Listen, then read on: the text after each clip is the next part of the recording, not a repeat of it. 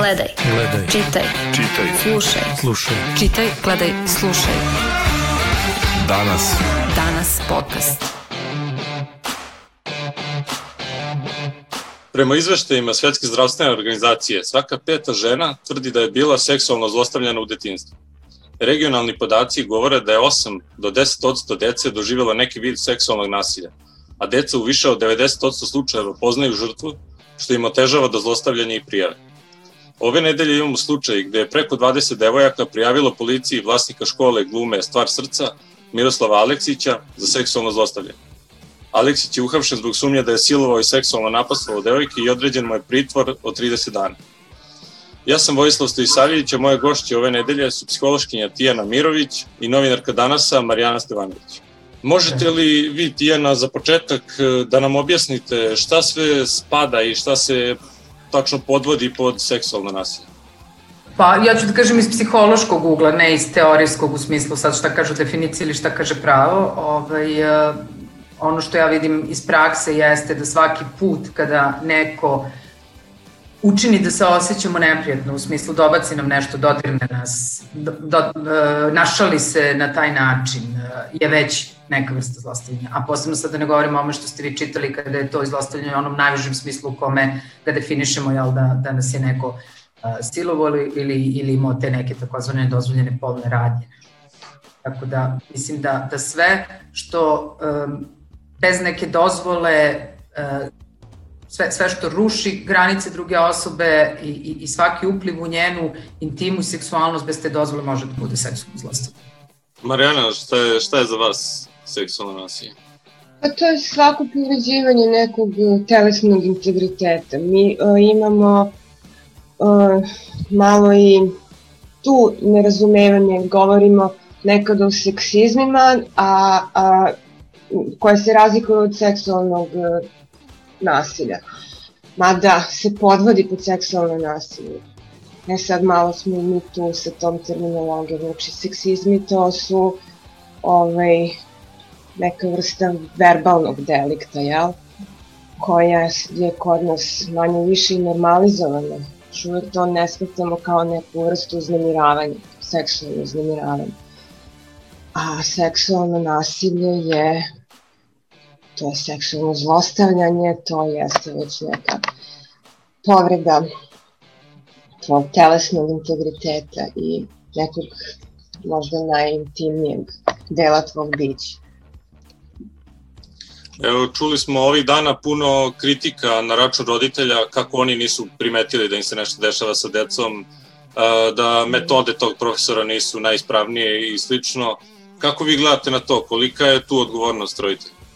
Ovaj, ja mislim da uh, su metode uh, svakako neadekvatne. Znači, čak i da ne ulazimo u ovu priču koja je sada isplivala, jel da je tu postojalo zapravo i seksualno nasilje, ovaj, svaka vrsta pedagogije koja podrazumeva vređanje, ponižavanje, kontrolu, uslovljavanje, zapravo nije pedagogija.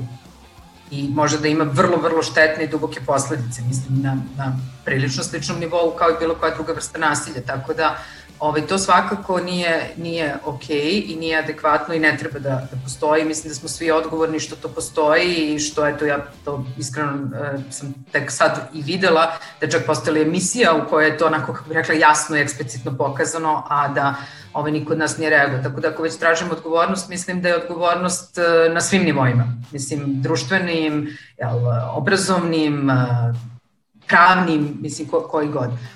A što se tiče odgovornosti roditelja, e, mislim da prvo to nije naše da pričamo i mislim da nije naše da sada tim ljudima koji sigurno prolaze kroz svoj lični pakao, sad mi dodajemo i pametujemo jel, kako bi to trebalo ili šta bi trebalo. Ono što sam ja opet čula, ne znam, ali čitajući izjave nekih od, od devojaka koji su istupili, ono što prepoznajem jeste da su se tu sistematski roditelji i držali po strani. Znači, u smislu nije slučajno što se oni baš nisu umešali, a kao neko ko je 17 godina proveo u, u prosveti i, i umetničkom obrazovanju između ostalog, vrlo dobro znam kako sada ta neka osoba koja vam predaje, sa kojim imate časove individualne nastave ili koja je zaslužena za to da razvija vaš talent, a vam taj talent nije, ljudi to nekad pogrešno dožive pa kažu, jel neko vole da se bavi glumom ili muzikom kao neki hobi. Za mnoge ljude to jeste, naravno ali za ljude koji tome vide svoju vokaciju, to mnogo više od, od bavljenja time.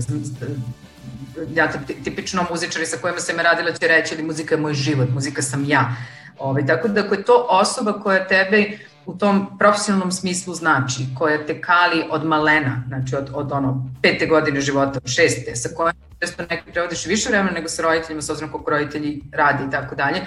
Ovaj, I roditelji lakše prihvate ili imaju poverenja da će to zaista biti neka vrsta trećeg roditelja i pomisle moje dete je tu bezbedno, ima neko da brine o njemu, super, nije na ulici, nije ovde, ni onda i, i ne obraćaju toliko meri pažnju.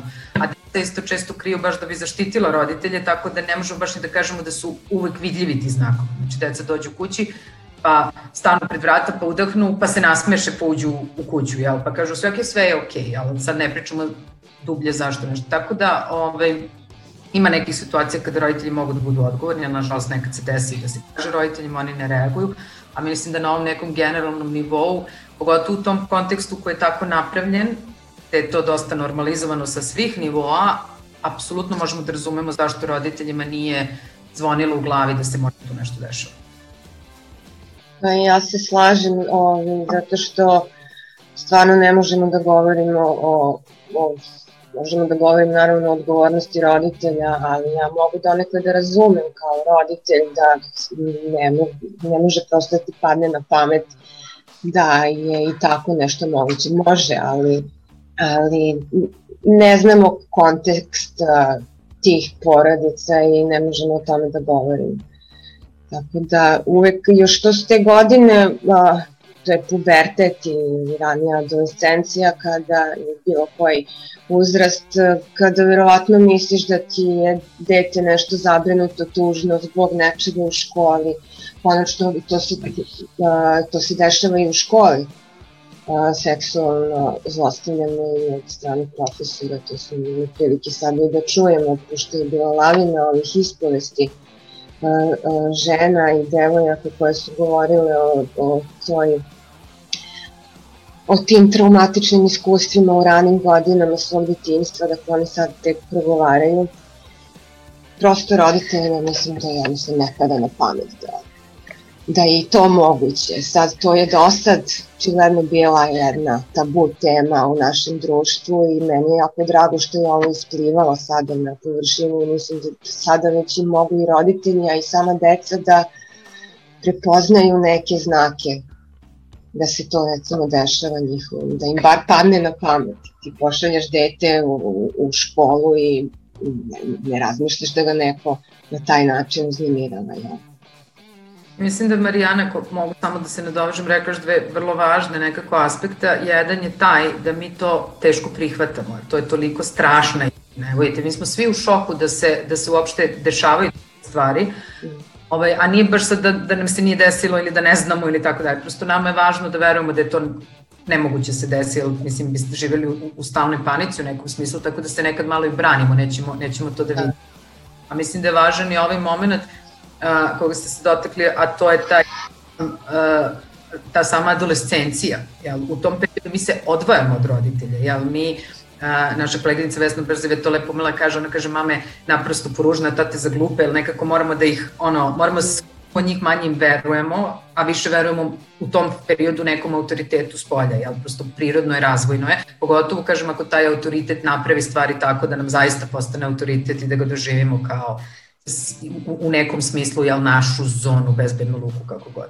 Što je ovde bio slučaj, nažalost. Danas. Podcast. Sada ćemo čuti komentare naših čitalaca na ovu temu. Ko ovde sudi? Mediji, narod i na osnovu čega se digla ovolika prašina? Razumem bes sugrađana, ali on je realan tek nakon izjave tužioca koji treba da iznese dokaze. U ovoj zemlji sve je izvrnuto na opačke i ovo je jedan od tih primera. Devojke drage, ako je ikako moguće dati vam još snage, nadam se da ćete je uzeti od nas zapanjenih i do neba zahvalnih, što ste prekinule taj jezivi niz. Bravo. Mnogo je važno da se sve prijavi. Na policiji je da otkrije. Nemate dokaze, niste vi policija. Ako je sposobna, ona će naći ili će prozreti dotičnu osobu ili osobe. Ako nije, do vas je da ste prijavili. Pet sati. Pet sati. Halo, pa da li ste vi normalni gospodi iz tužilaštva? Pa šta ima da se priča pet sati? Ko je ovde optuženi, a ko žrtva? Ne mislite li da je to isuviše maltretiranje za jedno ljudsko biće? Slušaj Danas podcast. Mogli smo da, da čujemo zaista razne komentare na ovu temu, a jedno od eh, to famozno pitanje je bilo šta su čekale do sada i zašto nisu ranije prijavile tako nešto. Pa evo, možete da probate vi da obrazložite to zašto žrtve nasilja nisu mogle to ranije da, da prijave i da izađu sa tim. Pa mislim da odgovor možemo da tražimo opet na svim nivoima. Znači, pošto mi živimo u sistemima, mi smo naravno kao društvo odmah udarili na, na individu, jel, zašto ona nešto, nešto nije rekla, ovaj, a zanemarili smo jel, sad sve ove druge sisteme, jel, evo, dotakli smo se malo i tog porodičnog, ali mislim nikako ne smo zaboravimo i taj društveni kontekst u smislu kako mi reagujemo kada se to desi, što je upravo jel, ovo što ste sada demonstrirali, kako reaguje naš pravni sistem, šta te, šta te žene prođu, Znači ja sam radila sa, sa žrtvama seksualnog nasilja i, i, i radila sa njima i, i, i na toj mogućnosti da možda promeni prijave da kažu i uvijek i dobiti isti odgovor. Znam, ali ko će meni da veruje? Mislim, mene će tamo da ispituju 5 sati kao što smo videli da se i desilo, jel? Ako prijavim, taj neko će dobiti 3 meseca ili uslovno ili neće dobiti ništa ili će izaći ili tako dalje. Znači, to je sad jedan spoljni faktor ali ono što je unutrašnje, o tome smo, ja mislim, puno pričali ko, ko, koleginice, kolege ja e, tokom jel, ovih nekoliko dana, e, seksualno nasilje, seksualno zlostavljanje je trauma. A kada nam se dogodi trauma, mi ne možemo baš tako lako da pričamo o tome i treba nam puno vremena i nekada su to zaista godine da uopšte negde, nekad i da se setimo i osvestimo šta nam se desilo, a čak i kada znamo šta nam se desilo da se osetimo dovoljno jakim da progovorimo. I ljudi najčešće i kreću da prijavljuju ili da pričaju više o tome kada su već obradili to u nekom psihološkom smislu. Dovoljno sposobnim da to, da to kažu. Ali kažem, to se ne desi odmah. To zato i jesu dela koja u principu ne zastaravaju i ne treba. Mislim, zato što nam treba, treba to vreme. Tako da u, u tom psihološkom smislu, znači postoji često ta neka zaleđenost, nemogućnost da se tome priča, postoje druge emocije koje koče, stid, krivica, um, strah, znači sve, sve ovo što smo pomenuli i nekada je ono lakše. Mislim da smo vrlo lepo dobili ovaj, i u nekim raznim emisijama lepo odgovor na to koji, na, koji nas je natrdo malo pogledamo u sebe da razmislimo o čemu sve mi ćutimo u našim životima jel? i šta mi nismo prijavili. Koliko naš će reći šefu ono, kad ima utisak da, da nas maltretira ili da radi ovo ili ono, ili koliko se lako bunimo na neke druge stvari. Tako da mislim da ovo je jedno nefer pitanje koje dolazi iz neznanja nekih stvari, ali dolazi malo i, i od nekako, jel, tog ulaska u neku up poziciju koja je sad ona, ona naša čuvena priča, da sam ja, ja bi. Pa ne znaš šta bi dok ti se ne desi. I čim ne znaš, da ne pričati. Tako je. I to nekako mi se čini da, da najviše postavljaju muškarci to pitanje, kao da je to, ne znam, šamar ili kao da je silovanje. Ja mislim da, da, da nismo, ne možemo da, da zamislimo um, šta je to. To uh, silovanje naročito, uh, jer uh, žrtva, prema onome što sam čitala tih psiholoških mekanizama kao dokazanih, kao što ste i vi Tijana rekli, ove, to jesu ove, tako smrznuta, žrtva je smrznuta, ona je teži da duboko potisne ta osjećanja, ona još ne razume šta se joj desilo. I nekada, ja mislim da većina devojaka čak nikad to i ne osvesti, to je duboko potisnuto osjećanje. I osjećaj krivice, i osjećaj stida, jer neko je povredio najintimniji deo tvojeg bića i ti ne možeš s tim da se sučiš, da ne možeš ni roditeljima da kažeš. Mnoge žene koje su govorile o tom iskustvu kao kad ih je, na primjer, kad su, na primjer, zlostavljanje, zlostavljanje u krugu porodice, brzo ih i majke učutkaju da se to nije desilo. Znači, to je ono što, što, što ne možemo da prihvatimo ni kao društvo, ni kao uh, žrtve. Uh, onda i sami ti komentari šta ste čekali ili mora da si ga ti um, izazvala, pošto su i to bili strašni komentari i uh, to je taj osjećaj krivice i žrtva zaista dugo misli da je ona nečim doprinela da se to desi. Tako da je... Gotovo ako je, izvinjam se, Ove, ako je to ovo što, što ste pomenuli, što je isto jako važno, ako je to sad neko koga poznajemo, jel dalje u krugu porodice ili taj neki treći roditelj, uh, pošto, jel mi tu... To je neko kome žrtva veruje, jel? Tako je, onda je nekada... I- osjećanja jako. Jeste, jeste. I lakše nam je nekada i da prihvatimo da smo mi ludi, da smo sve pogrešno razumeli, nego da prihvatimo da je moguće da nas je ta osoba jel, koju smo verovali povredila. To isto nekada razlog da se ćuti jel, i, i- i razlog za tu neku vrstu zbunjenosti da mi često posebno i u terapiji moramo uh, da, da im pomognemo i da razumeju to što se desi jeste nasilje ili da, ili jeste zlost. Drugo, nije ista pozicija uh, žene i muškarca u društvu. To je isto jedna razlika na, na koju, koju moramo imati u vidu. Muškarac bi, eto, on je, uh, ima mnogo više samopouzdanja da on nešto prijavi kad se njemu nešto desi. Ne znam sad kako muškarci reaguju na silovanje, ali ovaj, očito da misle da je to kao kad dobiješ batine pa, pa da treba da prijaviš. Žena nema tu vrstu samopouzdanja i svesti da to može jer je ona dočekana uvek sa nevericom. Pa ranije, kada je silovanje bilo još pre 30 godina kod nas, kad mi nismo imali ni zakone o seksualnom uznemiravanju, niti o nasilju u porodici, uh, to prosto se nije znalo da se to uopšte dešavalo, da je silovanja bilo. Kad ste to su pričale žene iz uh, ženskih udruženja koje su radile na tome da koje su uh, prikupljale podatke o broju silovanih žena i u saradnji sa policijom koja u početku nije bila nikakva, oni su vi- uvidele da policija ne zna ništa o tome, da su oni mislili da maltene tog silovanja nema, ako je kad žena ode da prijavi silovanje u to vreme, policija je bila vrlo okrutna. A šta si oblačila, šta, kako si bila obučena, ovaj, prilike a, su prebacivali odgovornost na nju. Tako da je to veliki jedan a, rad na tome da se to osvesti kao a, društveni problem, da to ovaj, postane a, jedna krivična odgovornost i mislim da još uvek radimo na tome.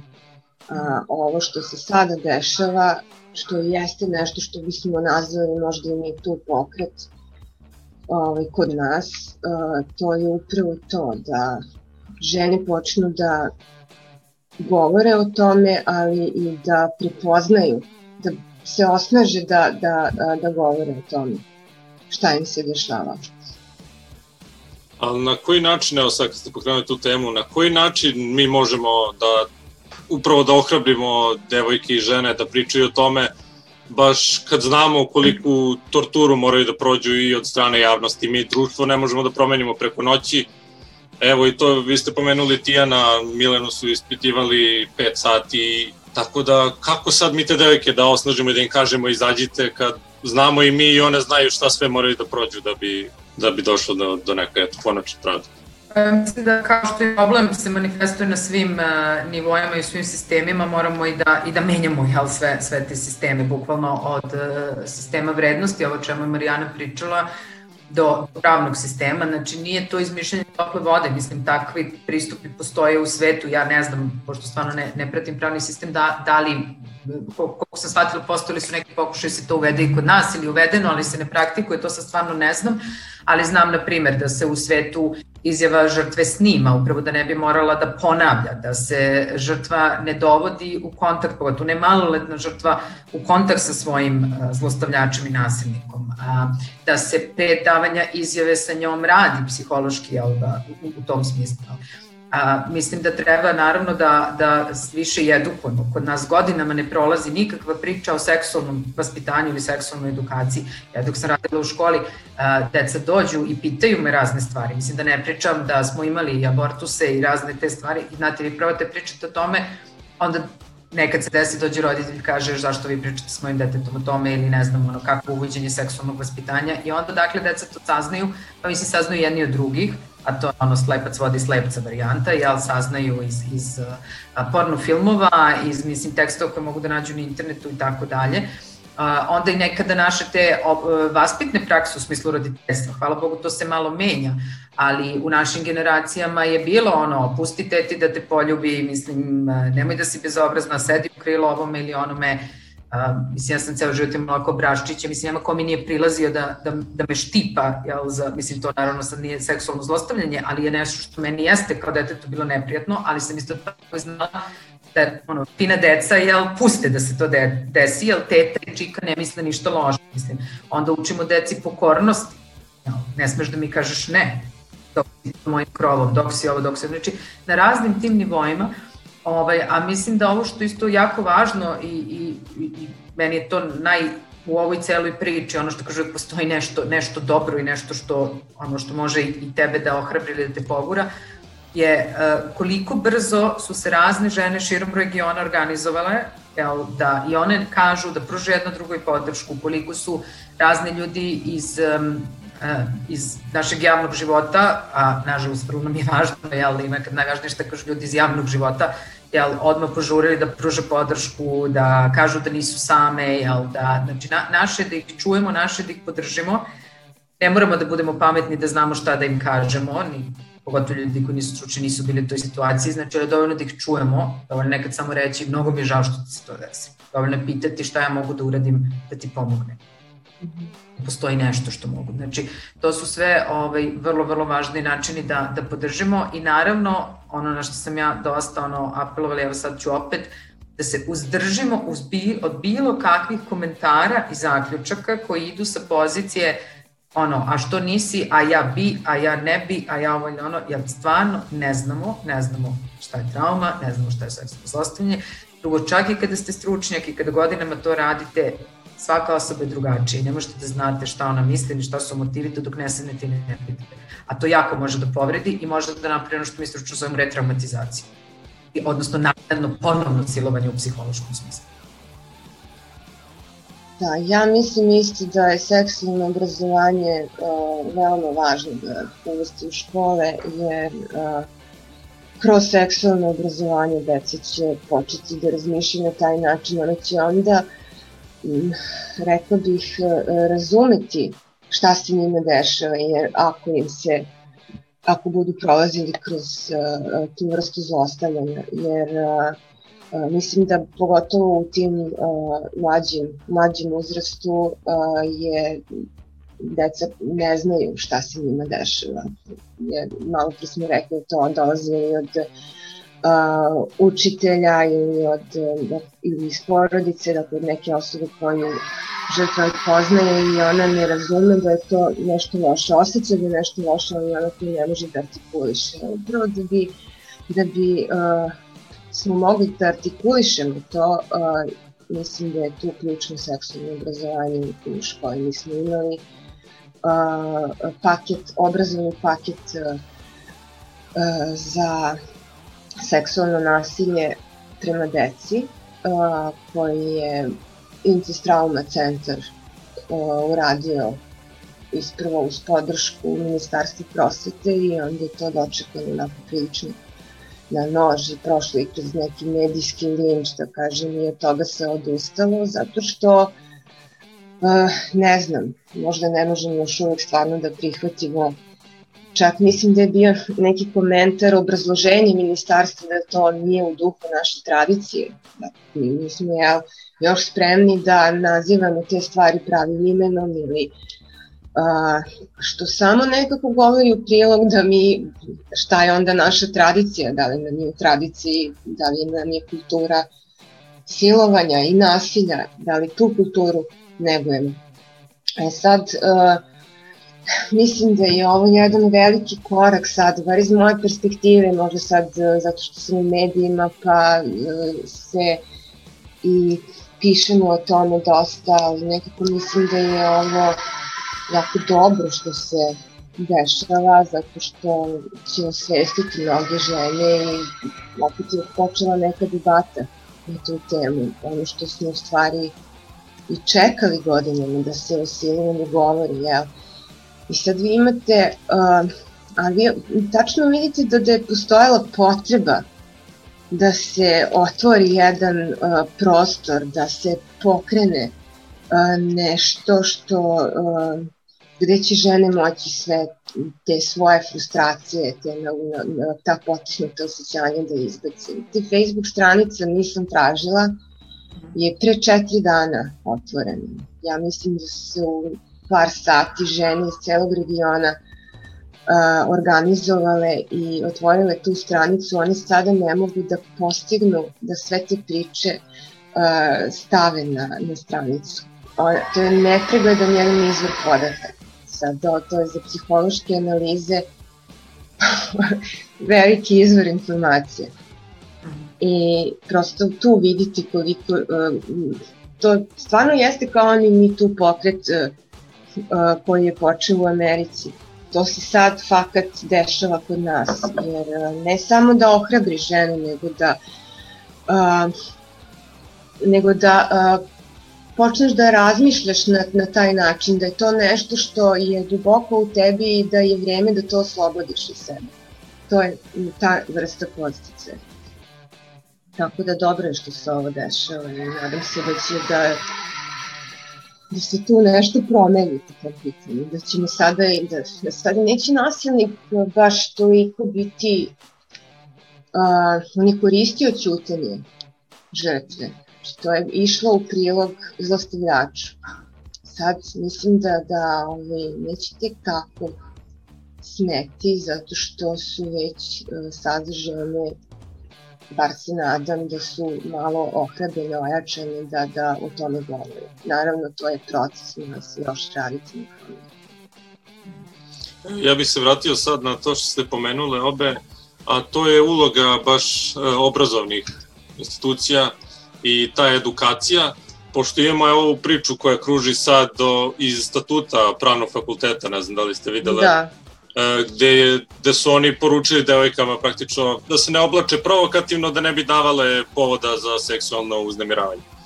Eto i sad, kako vama to izgleda? Da li se to pa smatra kao neka mera predostrožnosti ili je to samo pokušaj da se opravda? Da, ovaj, ja mislim, ok da ti da postoji kodeks oblačenja, znaš, znaš šta, ali ne može žena da bude ta koja je nečim izazvala seksualno uznemiravanje. To je već prebacivanje odgovornosti na ženu. Mislim, može ona i gola da se pojavi, nemaš pravo da je da je ugrožavaš na bilo koji način. Možeš da je sankcionišeš, da je vratiš kući, da se obuče, ali da, ali da je uznemiravaš seksualno zato što se obukla na neki provokativan način, to ne možeš. Mislim da to treba odmah da promene tu formulaciju, jer ne može žena da bude odgovorna niti bilo čime da izaziva. Voleo bih još za kraj da vas pitam, pošto nam vreme polako ističe, kako sad kad uzmemo sve to u obzir i to da eto i čak i neke obrazovne institucije e, relativizuju takve stvari, kako roditelji maloletnog deteta recimo da pripreme to dete i da ga nauče šta se sme, a šta ne sme.